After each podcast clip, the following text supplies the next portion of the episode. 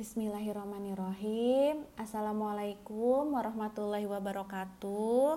Halo Mama, halo Papa semua. Mohon maaf atas keterlambatan penyampaian materi ke-6 kali ini.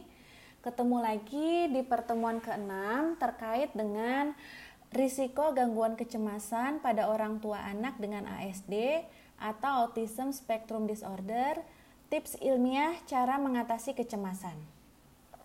Kita mau bahas apa saja sih? Hal yang akan kita bahas yaitu apa itu kecemasan, mencakup arti kecemasan dan gejala kecemasan, apa saja kecemasan pada orang tua dengan anak ASD dilihat dari hasil-hasil penelitian. Kemudian, tips ilmiah cara mengatasi kecemasan, terutama kecemasan orang tua pada anak dengan ASD. Baik, kita mulai bahas satu persatu ya. Apa itu kecemasan? Cemas berasal dari bahasa Inggris, yaitu anxiety, dan dari bahasa Latin, angustus atau kaku, dan ango, anci atau mencekik. Jadi, kecemasan itu perasaan tegang, gelisah, khawatir, dan bimbang yang bersifat subjektif yang timbul secara berlebihan dalam kehidupan sehari-hari, kita sering kali mengucapkan kata-kata seperti yang membuat kita panik, takut, cemas, dan khawatir. Namun, apa itu berarti kita mengalami gangguan kecemasan? Bisa ya, bisa tidak. Memang ada banyak hal yang kita cemaskan. Misalnya mengenai kesehatan, relasi sosial, karir, kondisi lingkungan sekitar, kondisi anak, dan lain-lain. Kecemasan adalah hal yang alami dan normal dirasakan oleh manusia ketika merasa terancam. Kecemasan juga bermanfaat sebagai penanda bahwa kita harus mempersiapkan diri untuk berupaya melakukan penyesuaian diri. Ketika kita cemas, ketika akan mendapatkan nilai ujian yang jelek, maka kita menjadi termotivasi untuk lebih rajin belajar. Ketika kita khawatir akan kekurangan uang saat di akhir bulan, maka kita termotivasi untuk mengatur anggaran keuangan dan bijak dalam mengelola keuangan. Kecemasan dikatakan sebagai suatu gangguan apabila kecemasan tersebut sudah berlebihan. Dari segi frekuensi, durasi, serta intensitasnya. Dan menyebabkan tekanan emosional atau mengganggu kemampuan seseorang untuk berfungsi dalam aktivitas kesehariannya. Kecemasan ditandai oleh berbagai gejala di area fisik, tingkah laku, dan kognitif Gejala fisik antara lain jantung berdebar-debar, gemetar, tegang, nafas tersengal atau sulit bernafas, berkeringat padahal tidak melakukan aktivitas yang berlebihan seperti olahraga, kemudian mulut kering, tangan dan kaki dingin, suara bergetar, pusing, sembelit, dan ingin muntah. Gejala tingkah laku antara lain perilaku menghindar, perilaku bergantung pada orang lain, perilaku e, gelisah dan sulit tidur. Gejala kognitif antara lain pikiran-pikiran menakutkan mengenai masa depan, pikiran yang terlalu terfokus pada sensasi fisik, pikiran takut kehilangan kendali diri, sulit berkonsentrasi, pikiran negatif yang terus berulang dan yang sulit dikendalikan. Kemudian merasa terancam, sulit berkonsentrasi, pikiran negatif yang berulang kali, khawatir terhadap hal-hal yang kecil. Next. Nah, ini ada penelitian-penelitian terkait kecemasan orang tua dengan anak ASD. Penelitian yang dilakukan oleh Wen Suzhou dan tim pada tahun 2019 yang menyatakan 80,2% persen ibu dengan anak ASD mengalami gangguan kecemasan. 72,5% mengalami gangguan depresi dan 67,1% mengalami kedua jenis gangguan ini. Ibu dengan anak ASD memiliki risiko lebih tinggi mengalami gangguan kecemasan dan depresi, terutama pada ibu yang telah memiliki gangguan psikis penyerta. Pada penelitian lain yang dilakukan oleh Omar Al-Farisi menyatakan dari 220 sampel penelitiannya, 45,9% orang tua mengalami gangguan kecemasan 48,6 persen pada ayah dan 51,4 persen pada ibu dan 48,6 persen mengalami gangguan depresi. Gejala gangguan psikis yang mereka rasakan umumnya karena merasa lelah, sulit untuk menerima kondisi anak, dan mudah kecewa terhadap keadaan. Orang tua dengan anak ASD lebih berisiko mengalami gangguan kecemasan dan depresi berat dibanding orang tua anak non-ASD. Orang tua yang paling berisiko adalah ibu, karena mereka memiliki tanggung jawab pengasuhan yang lebih besar dibandingkan dengan ayah. Hal ini yang menyebabkan ibu lebih mudah mengalami stres fisik dan e, sakit. Sehingga pada penelitian yang dilakukan e, Kiara Paden dan timnya, ibu anak dengan ASD memiliki risiko tertinggi mengidap berbagai jenis penyakit. Apa saja kecemasan pada orang tua dengan anak ASD? Terdapat kecemasan pada orang tua dengan anak ASD yang saya rangkum dari hasil beberapa penelitian yang pertama, cemas akan stigma. Pertemuan sebelumnya, di pertemuan keempat, kita sudah bahas terkait dengan stigma. Orang tua dengan anak ASD cemas akan stigma yang diberikan oleh lingkungan dan masyarakat sekitar. Stigma yang diterima orang tua membuat rasa khawatir muncul. Anak ASD mereka akan dicap sebagai anak yang aneh. terutama jika anak mengalami tantrum di lingkungan umum seperti saat berjalan-jalan di taman atau sedang rekreasi. Pandangan orang-orang sekeliling akan tertuju kepada orang tua dengan anak ASD atau anak ASD tersebut.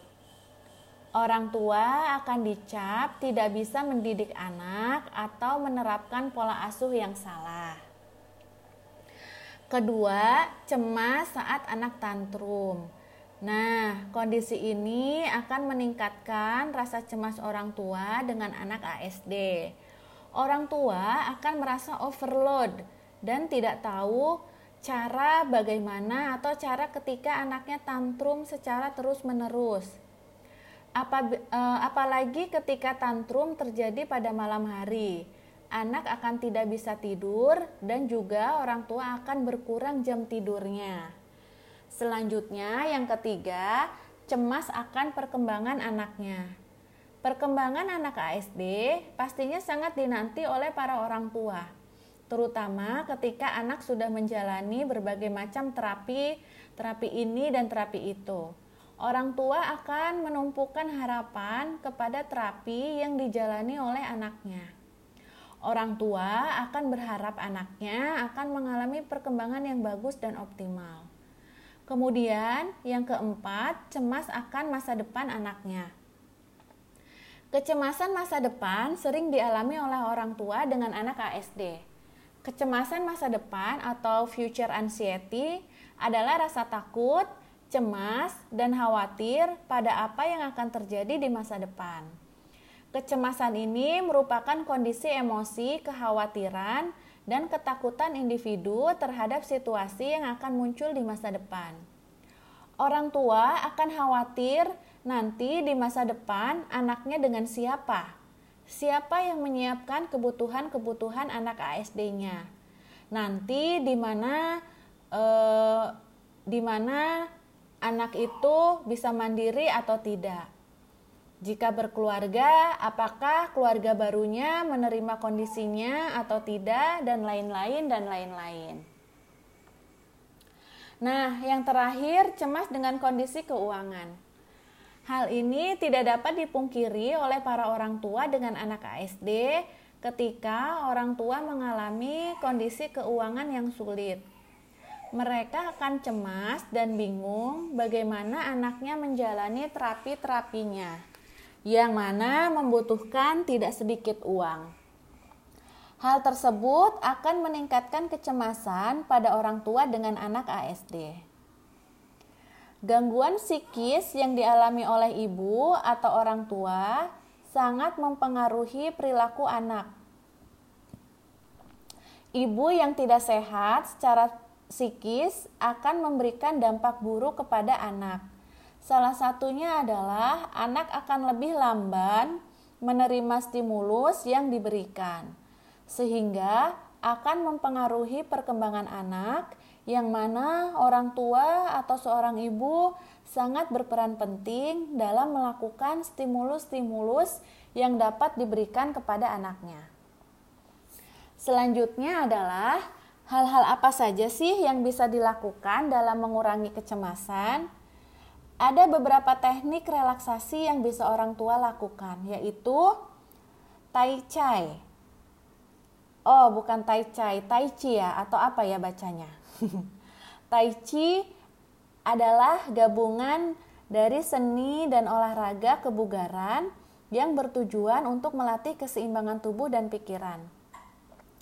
Gerakan-gerakan yang dilakukan menyerupai aliran air yang tenang. Itulah mengapa orang yang berlatih Tai Chi akan perlahan-lahan memasuki kondisi yang sangat rileks layaknya bermeditasi. Namun, pada saat yang bersamaan, tubuh tetap bekerja untuk menopang dengan mantap. Fokus dari latihan Tai Chi adalah melatih konsentrasi, mengendalikan pernafasan, dan mengatur irama tubuh layaknya air yang mengalir. Dengan melakukan ketiga hal tersebut, Orang yang berlatih tai chi diharapkan akan membangkitkan energi dalam diri yang dikenal dengan istilah ki. Energi inilah yang akan membantu pikiran dan tubuh untuk bekerja dengan penuh harmoni dan keselarasan. Gerakan tai chi untuk pemula, tai chi untuk pemula pada dasarnya menitik beratkan pikiran yang positif dan posisi-posisi dasar yang cukup sederhana. Pose awal, berdiri tegak dengan kedua kaki terbuka selebar bahu. Letakkan kedua tangan di pinggul. Secara perlahan, putar kepala searah jarum jam dan ulangi sebanyak dua kali. Setelah itu, putar kepala pada arah yang berlawanan sebanyak tiga kali. Tarik napas dalam sampai bahu terangkat dan lepaskan perlahan-lahan sambil menurunkan bahu. Yang kedua, melepaskan tangan. Angkat kedua tangan sampai setinggi perut Pastikan bahwa lengan atas tetap menahan postur tubuh dengan kencang dan kibas-kibas telapak tangan seolah sedang mengeringkan tangan dari butir-butir air. Lakukan gerakan pelemasan tangan ini sambil menarik dan membuang napas dalam sebanyak tiga kali. Masih dengan posisi berdiri yang sama, angkat tangan dengan gerakan seperti menyapu perlahan di dinding di hadapan orang tua atau di hadapan mama papa di sini. Saat meng, e, saat mengangkat tangan, arahkan jari-jari supaya menghadap ke bawah. Saat tangan sudah setinggi kepala, turunkan pelan-pelan dengan posisi jemari lurus menghadap ke atas. Ulangi sampai enam kali sambil terus mengambil napas dalam. Yang ketiga, gerakan dua purnama. Angkat kedua lengan ke depan sampai tegak lurus di samping tubuh dan turunkan ke belakang sampai posisi tangan kembali ke sisi tubuh dan membentuk lingkaran purnama yang sempurna. Ulangi gerakan ini hingga enam kali. Akhiri dengan posisi tangan di sisi tubuh masing-masing. Yang keempat, menebarkan sayap. Angkat kedua lengan setinggi dada dengan posisi telapak tangan terbaring sejajar menghadap ke bawah. Pastikan ujung jemari kedua telapak tangan hampir saling menyentuh. Kemudian, secara perlahan buat gerakan membuka membuka lengan seolah menebarkan sayap atau lengan bawah ke samping tubuh. Biarkan kedua lengan terentang dengan lurus dan tegap. Kembalikan lagi ke posisi awal dengan tangan di hadapan dada. Ulangi gerakan merentangkan tangan ini hingga enam kali. Jangan lupa untuk mempertahankan teknik pernapasan dalam selama melatih gerakan ini. Membelah air yang kelima. Arahkan kedua lengan lurus ke depan, kira-kira setinggi dada. Kedua telapak tangan seharusnya menghadap e, ke bawah. Lalu buat gerakan seperti sedang berenang dan membelah air di hadapan mama papa secara perlahan-lahan. Ayunkan masing-masing lengan ke sisi ke sisi tubuh dan kembali lagi ke posisi semula. Ulangi sebanyak enam kali sambil terus bernapas dengan rileks. Akhiri dengan posisi kedua tangan berada di sisi tubuh. Kemudian, teknik relaksasi yang kedua adalah tertawa. Mengapa tertawa? Karena tertawa selain beban stres yang hilang, tertawa juga menyebabkan perubahan yang positif dalam tubuh. Ketika tertawa, tubuh kita melepaskan hormon endorfin yang meningkatkan mood dan menurunkan kadar hormon penyebab stres seperti kortisol dan adrenalin. Selain itu, tertawa juga mampu mengurangi beberapa gejala fisik stres dengan membantu relaksasi dan merangsang sirkulasi otot, meningkatkan daya hirup udara kaya oksigen, serta menstimulasi jantung, paru-paru, dan otot-otot kita. Kemudian, tertawa juga mengaktifkan dan melepaskan respon stres. Ketika tertawa, kemudian terdiam, detak jantung dan tekanan darah kita akan meningkat Hasilnya, kita pun jadi merasa tenang dan santai. Tak hanya itu saja, penelitian pun menunjukkan bahwa melawan stres dengan tertawa dan humor bisa membuat kita tidak merasa kesepian. Juga memampukan kita memandang atau menilai diri sendiri dengan pikiran positif. Teknik relaksasi yang keempat adalah mendengarkan musik. Para ilmuwan dari University of Missouri setuju bahwa mendengarkan musik dapat memperbaiki suasana hati. Penelitian yang dipublikasikan dalam The Journal of Positive Psychology mengungkapkan bahwa perbaikan mood dan penurunan tingkat stres tampak terlihat setelah dua minggu rutin mendengarkan musik. Alasannya adalah lantunan musik yang kita dengar merupakan getaran gelombang suara. Gelombang suara ini masuk menuju telinga bagian tengah, tempat bermukimnya gendang telinga. Untuk selanjutnya diterus, eh, diteruskan ke telinga dalam. Di area telinga dalam, Gelombang suara ditangkap oleh sel-sel rambut yang terdapat di dalam koklea untuk diubah menjadi sinyal listrik. Barulah kemudian sinyal suara ini dikirim ke otak melalui serabut saraf telinga. Di otak, sinyal listrik ini menyebar ke berbagai bagian dalam waktu bersamaan. Pertama, sinyal listrik ini mampir ke bagian otak temporal yang bekerja untuk memproses input indera, mengubah sinyal menjadi lagu yang kita dengar, memahami bahasa, dan mengatur emosi. Sinyal listrik ini juga mengalir ke hipotalamus otak, tempat produksi hormon sekaligus pengatur tekanan darah, denyut jantung, suhu tubuh. Saat merespon sinyal listrik tersebut, hipotalamus langsung bekerja meningkatkan mood bahagia, dopamin, sambil menurunkan hormon kortisol.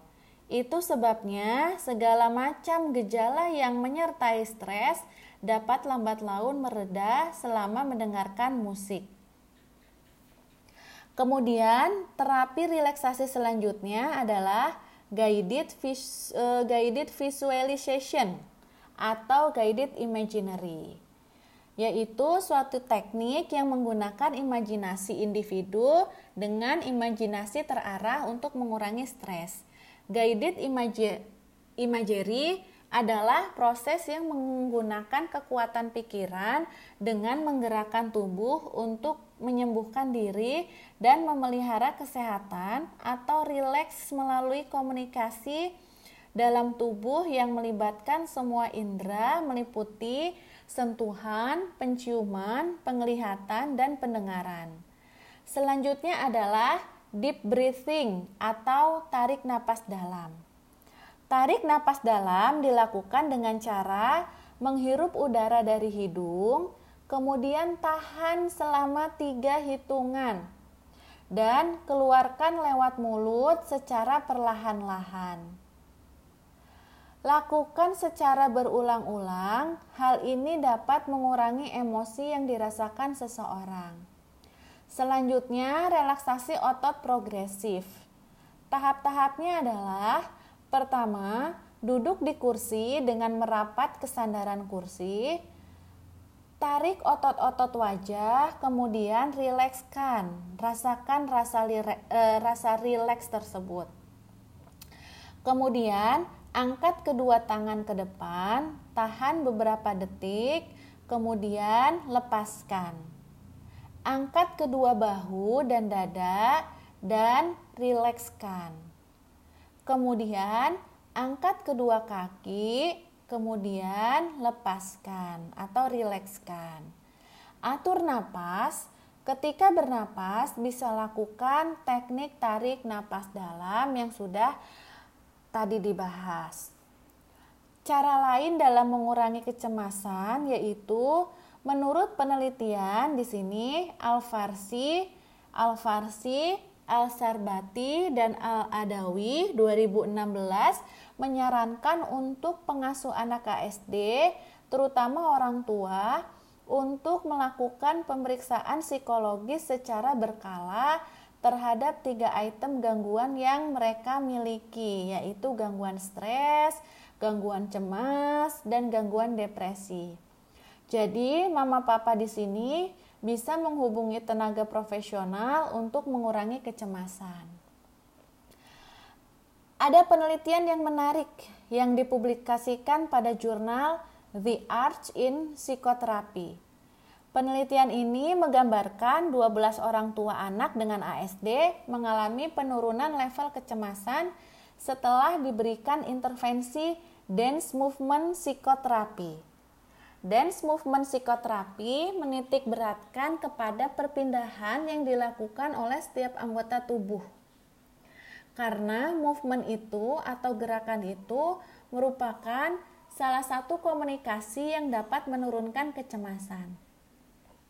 Nah, ini ada cara lain juga. Anxiety relief in parents with autism spectrum disorder. Bagaimana caranya menghilangkan atau mengurangi kecemasan pada orang tua anak dengan ASD? Yang pertama, memberitahu orang lain bahwa anaknya autisme. Kemudian, memiliki sistem pendukung yang baik seperti dukungan keluarga, kerabat, atau sahabat. Kemudian, menemukan komunitas yang mendukung dan tempat ibadah yang mendukung. Kemudian, menerima konseling sehingga hal-hal yang memang perlu untuk diketahui tidak membuat rasa khawatir yang berlebihan. Selanjutnya, mempertahankan rasa humor sehingga orang tua bisa tertawa yang sudah eh, yang sudah kita bahas tadi ya. Yang paling terpenting menurut saya adalah terkait eh, tips ilmiah ini cara mengatasi kecemasan pada orang tua dengan anak ASD berdasarkan hasil penelitian adalah acceptance as a path to stress relief in autism. Menurut Marina Saris tahun 2019 yaitu penerimaan merupakan jalan dalam menghilangkan stres pada orang tua dengan anak autism. Sekali lagi, penerimaan merupakan jalan dalam menghilangkan stres pada orang tua dengan anak autism. Baik, cukup sekian materi kali ini. Semoga bermanfaat. Mohon maaf jika ada salah penyampaian. Wassalamualaikum warahmatullahi wabarakatuh.